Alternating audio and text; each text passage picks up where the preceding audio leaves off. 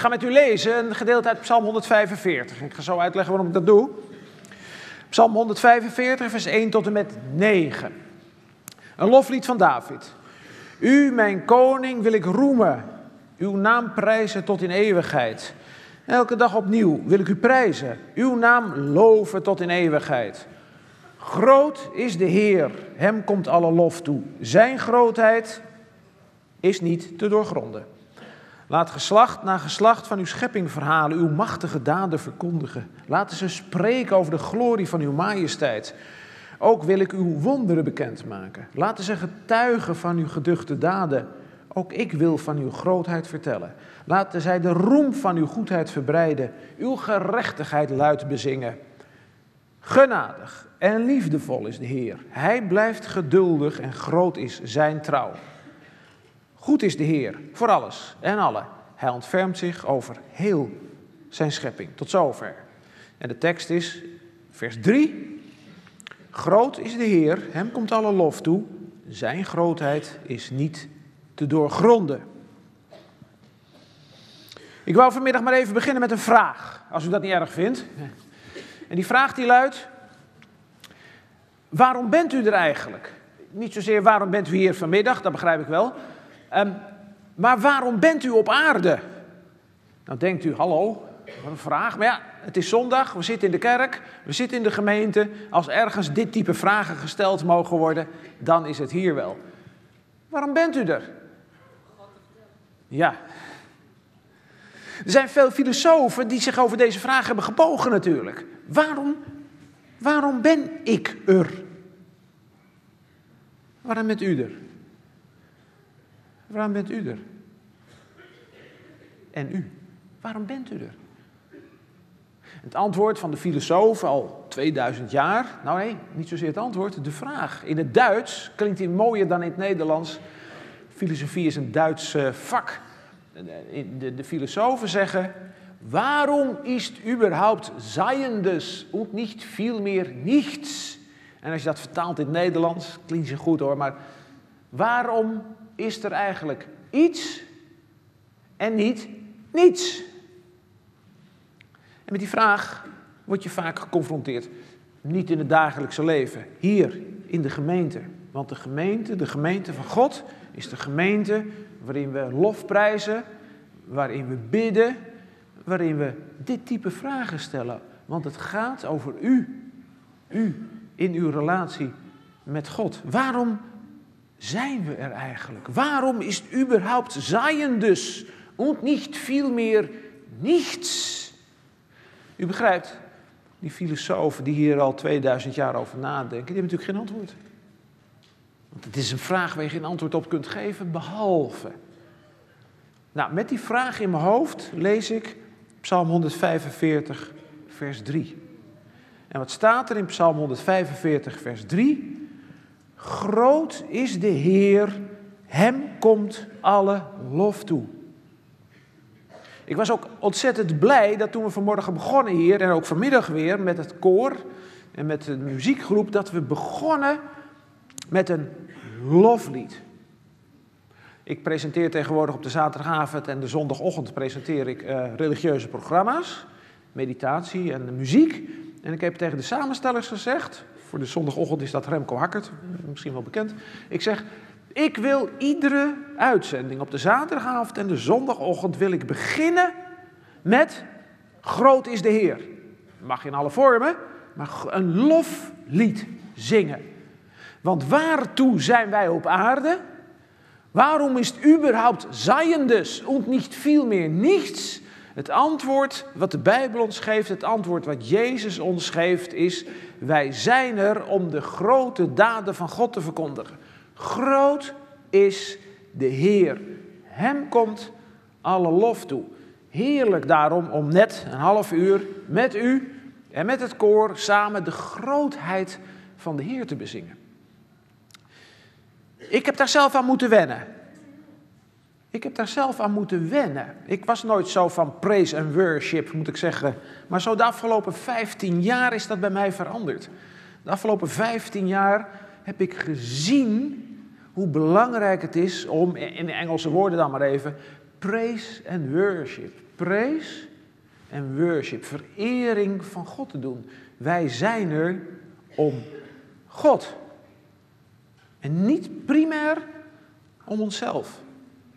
Weet u, ik denk dat een van de oorzaken van de diepe kerkverlating in Nederland van de afgelopen 50 jaar wel eens zou kunnen zijn dat wij het geloof veel te veel van onderop hebben gedefinieerd. Heb, wat heb ik eraan? Dat is heel postmodern, hè? What's in for me? Wat heb ik eraan? Wat heb ik aan het geloof? Wat heb ik? Belangrijke vragen.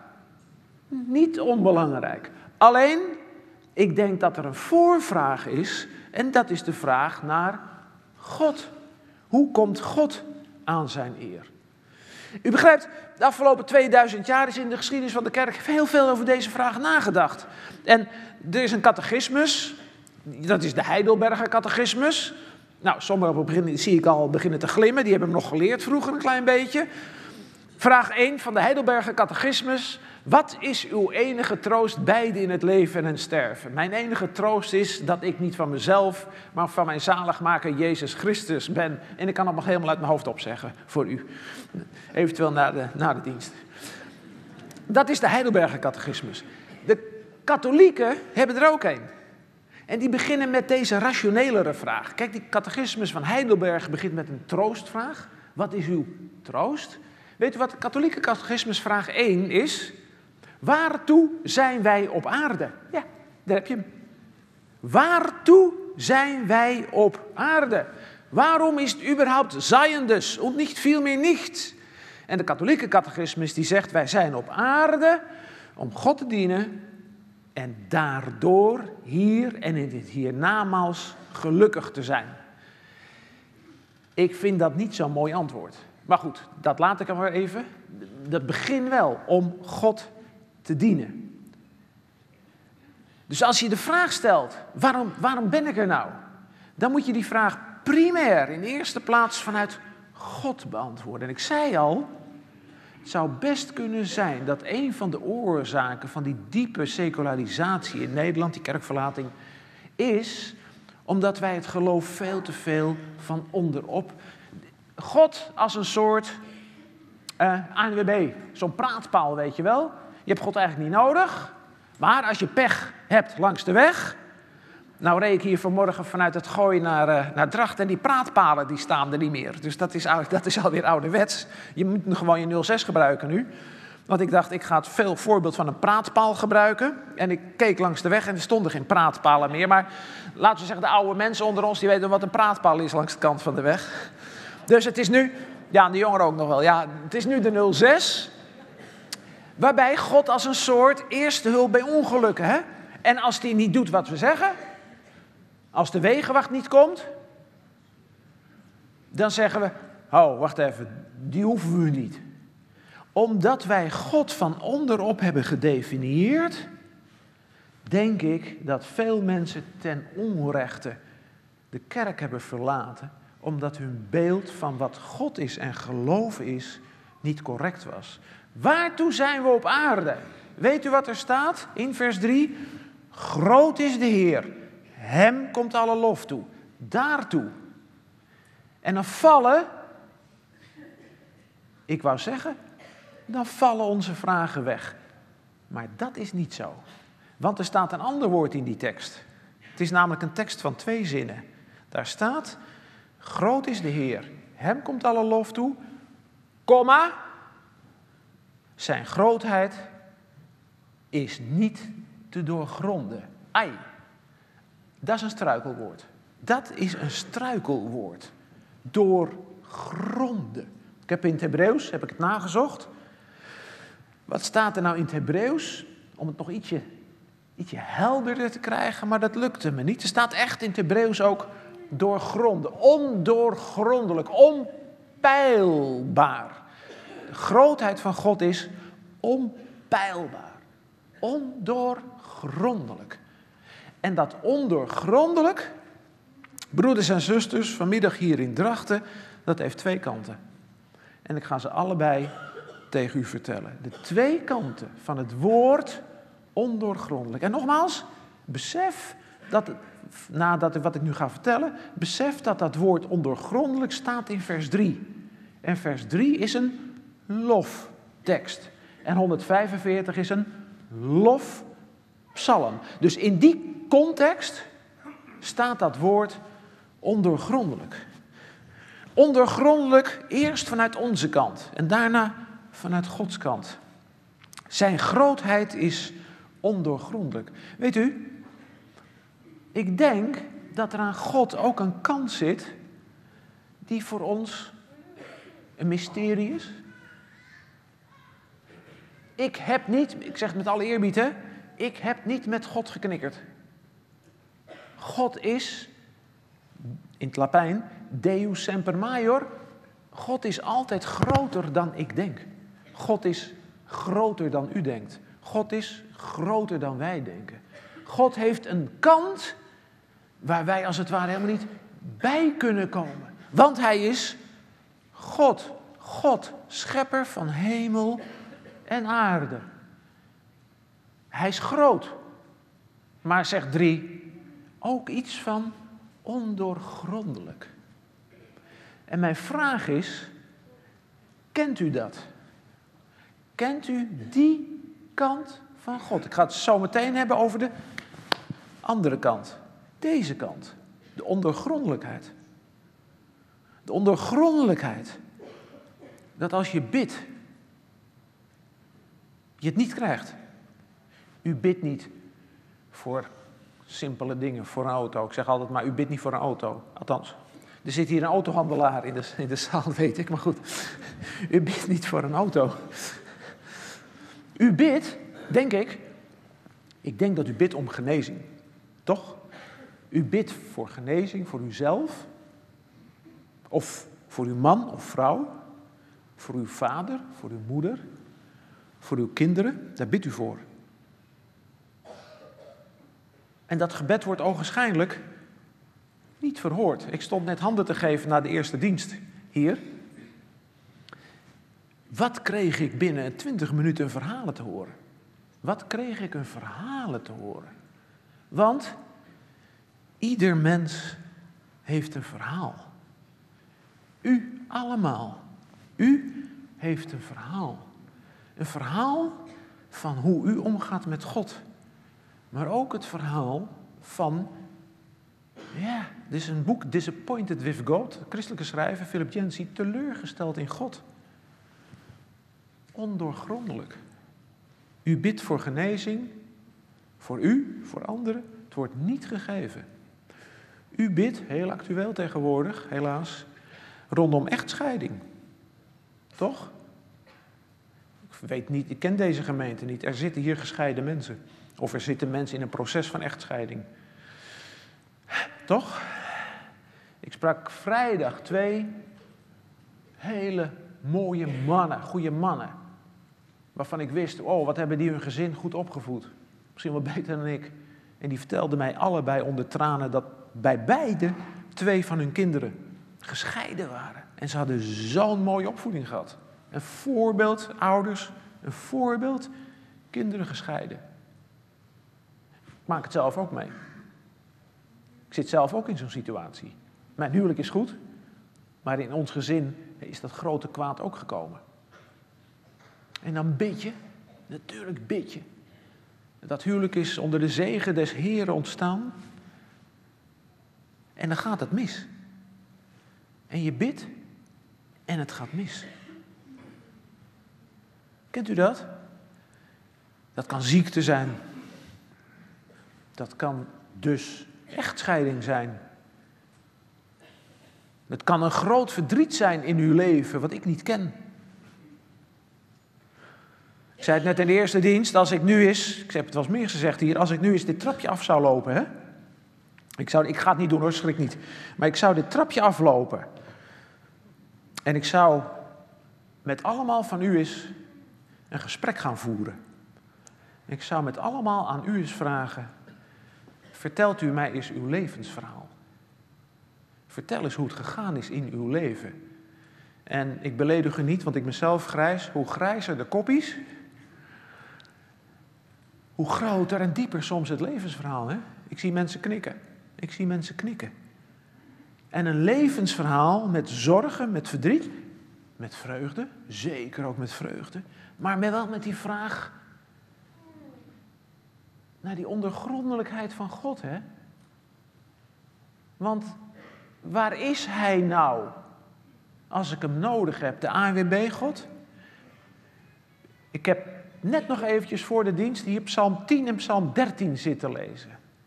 En Psalm 10 en Psalm 13, ik ga een keer een preek over maken. Psalm 10 en Psalm 13, die roepen allebei: Heer, waar blijft u nou? Psalm 10 en Psalm 13. Heer, kom nou toch eens. Het zijn zelfs teksten die ik zelf niet zo gauw zou zeggen. Dat ik denk, dat is oneerbiedig, maar de Bijbel reikt ons die teksten aan.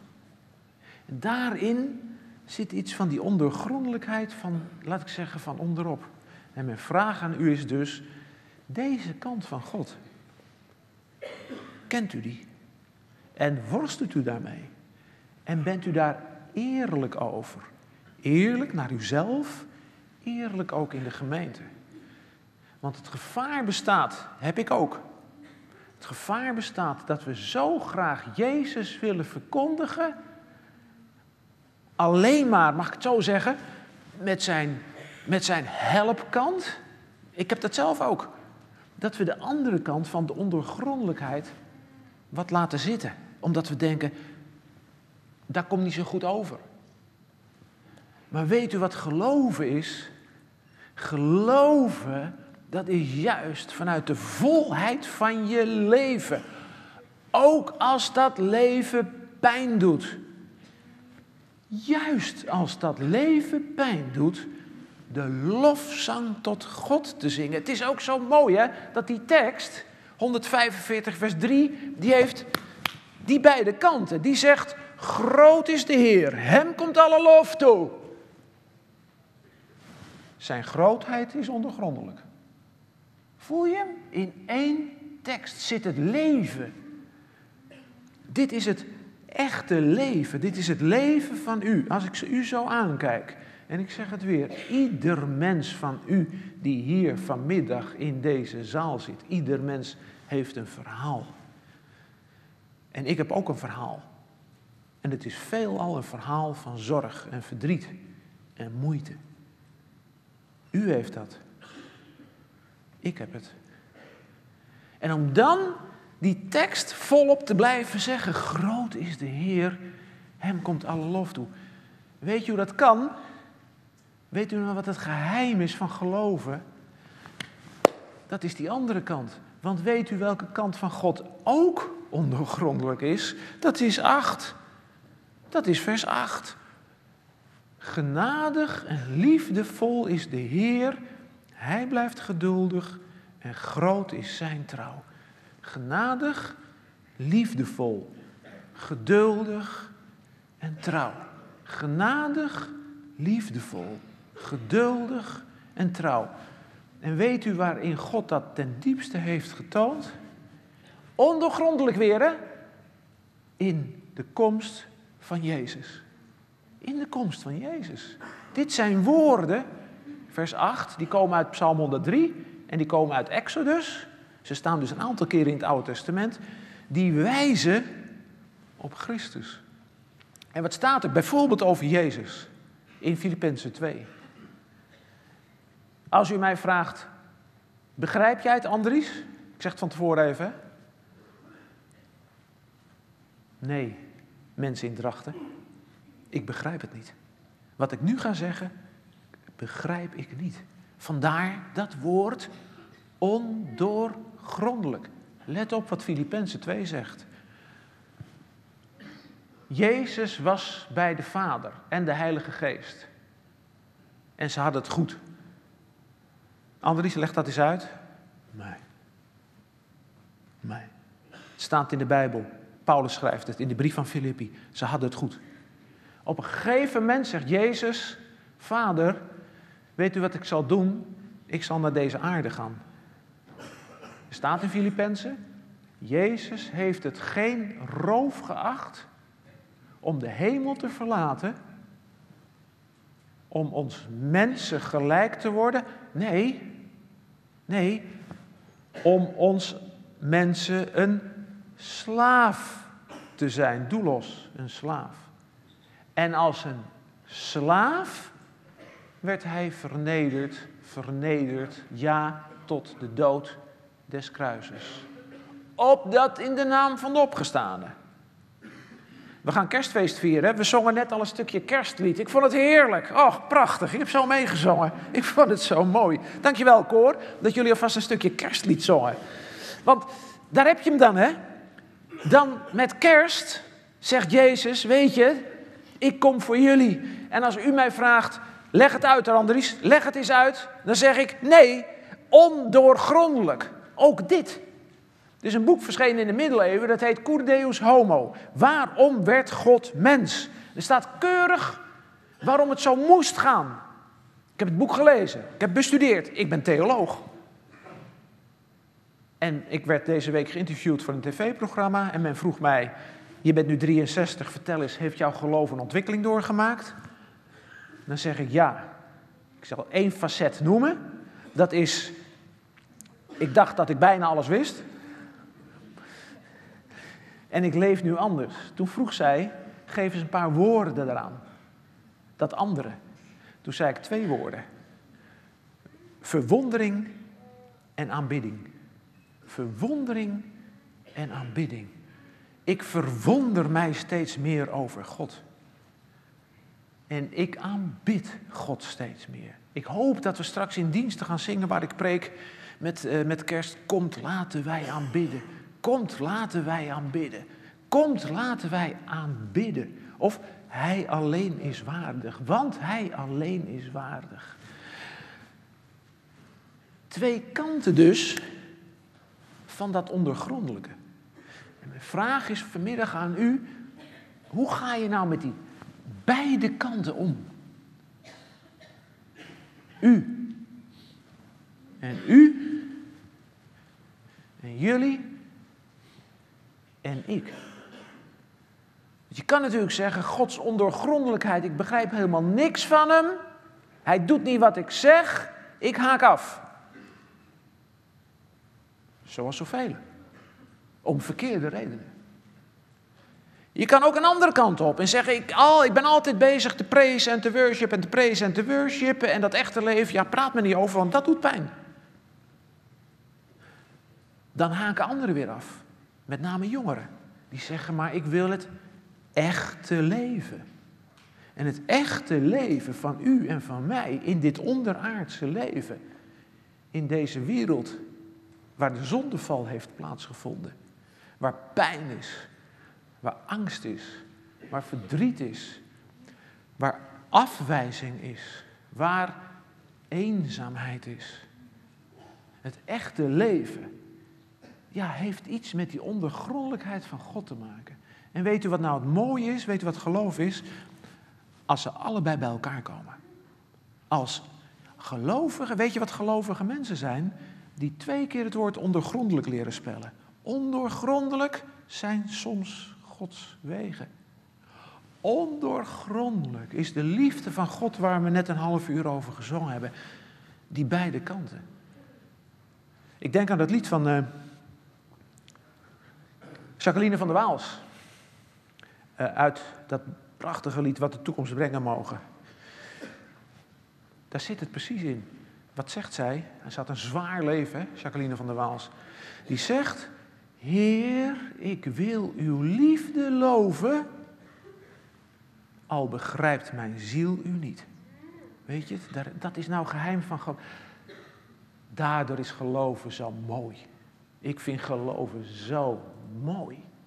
Ik vind geloven zo mooi als ik die beide kanten ook vasthoud. Als ik, als ik erken, als ik erken dat God voor mij soms ondergrondelijk is, in mijn verdriet, in mijn grote verdriet, is God ondergrondelijk. En als ik mij dan richt op Jezus, dan is hij nog een keer ondergrondelijk. Omdat hij zo met mij van doen wil hebben. Beste mensen in Drachten, dat is geloven. Je kan aan twee kanten misgaan met dat woord ondergrondelijk. Begrijpt u? En daarom is het zo mooi dat God ons de Bijbel heeft gegeven, Psalm 145, waarin dat beide staat. Ik citeer die tekst nog eens een keer. Groot is de Heer, hem komt alle lof toe, komma. Zijn grootheid is niet te doorgronden.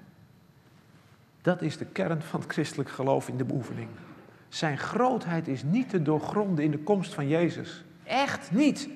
Cur Deus Homo. Ik heb het boek nog. Ik lees het niet meer, want het legt me uit waarom het gebeurd is en ik weet het niet.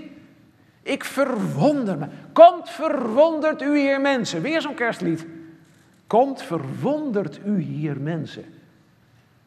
En dan zegt het andere kerstlied. Komt laten wij aanbidden. En dan zegt Jacqueline van der Waalst. Die zingt, Heer, ik wil uw liefde loven, al begrijpt mijn ziel u niet. Zalig hij die durft geloven, ook wanneer het oog niet ziet. Schijnen mij uw wegen duister. Heer, ik vraag u niet waarom. Eenmaal zie ik al uw luister als ik in de hemel kom. Ik bedoel, ze zou Psalm 145 hebben kunnen schrijven. Schijnen mij uw wegen duister, Heer, ik vraag u niet waarom. Eenmaal zie ik al uw luister. Dus ik vraag het aan u, bijna zie ik. Ehm, leeft u zo met God? Mag ik u dat vragen? Leeft u zo met God? Laten we zeggen, hoe zeg ik dat? Zo verdiepend. Zo verdiepend. Begrijpt u wat ik, wat ik zeg hiermee? Zo verdiepend zoals Psalm 145 verdiepend is. Net bij de deur, ehm, toen ik die levensverhalen kreeg te horen, toen dacht ik, ja hè, dat mogen we in de kerken natuurlijk nooit ontkennen. Wij moeten niet doen alsof wij allemaal, Wouter Bos zou zeggen, happy clappy zijn. Wouter Bos zat ooit bij Jesus Christ, vandaar dat hij het nog weet een beetje, de oud-minister van Financiën. Nee, wij mogen, ik denk dat we dan met krachtigst getuigen hebben en getuigenis zijn. Wij mogen laten zien hoe God onbegrijpelijk is, af en toe, ja laat ik het maar zeggen dat woord, hè, af en toe in de misère van ons eigen leven.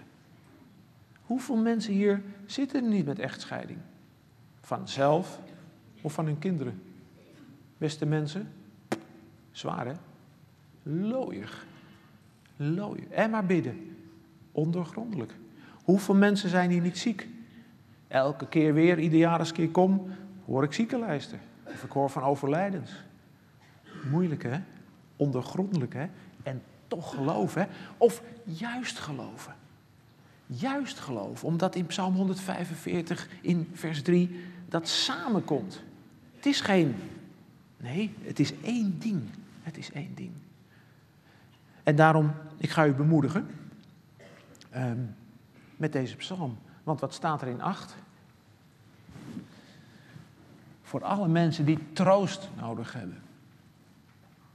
Voor alle mensen die net hebben staan juichen met het koor. Ik ook. Ik ook. Voor mensen die mens zijn. U bent mens. Met uw hele hart, met uw hoofd, met uw spieren, met uw vezels. En u leeft in deze wereld. En in deze wereld mag u gelovig zijn. Met alles wat er aan vragen in hoofd en hart en waar dan ook gebeurt. Dat is niet erg. Dat is geloven met heel je wezen. En dan zegt Psalm 145. Genadig en liefdevol is de Heer. Hij blijft geduldig en groot is zijn trouw. Waar heeft hij dat getoond? Volgende maand. December. Komt, laten wij aanbidden. Pasen. Als ik in gedachten sta bij het kruis van Golgotha. Daar. Het is God en God alleen. Dat is een evangelisch lied. God en God alleen. Waarom ben ik op aarde? Waarom ben ik op aarde? Waarom bent u er? Om God de eer te geven. How great is our God? Dat is een nummer wat ik heb uitgezocht. Ze vroegen, wil je een nummer opgeven? Ik zeg, ja, ik wil ontzettend graag een nummer opgeven. Opwekking 661. Ik begin opwekking een beetje uit mijn hoofd te kennen. Vroeger riep ik altijd Psalm 42. Dat was mijn oude jeugd. Die kende ik dan. En nu roep ik opwekking 661. En daar zit hij. How great is our God. Ik hoop dat u dat zometeen met het koor van harte, vanuit uw hart gaat meezingen. Dat is de God van 145, vers 3.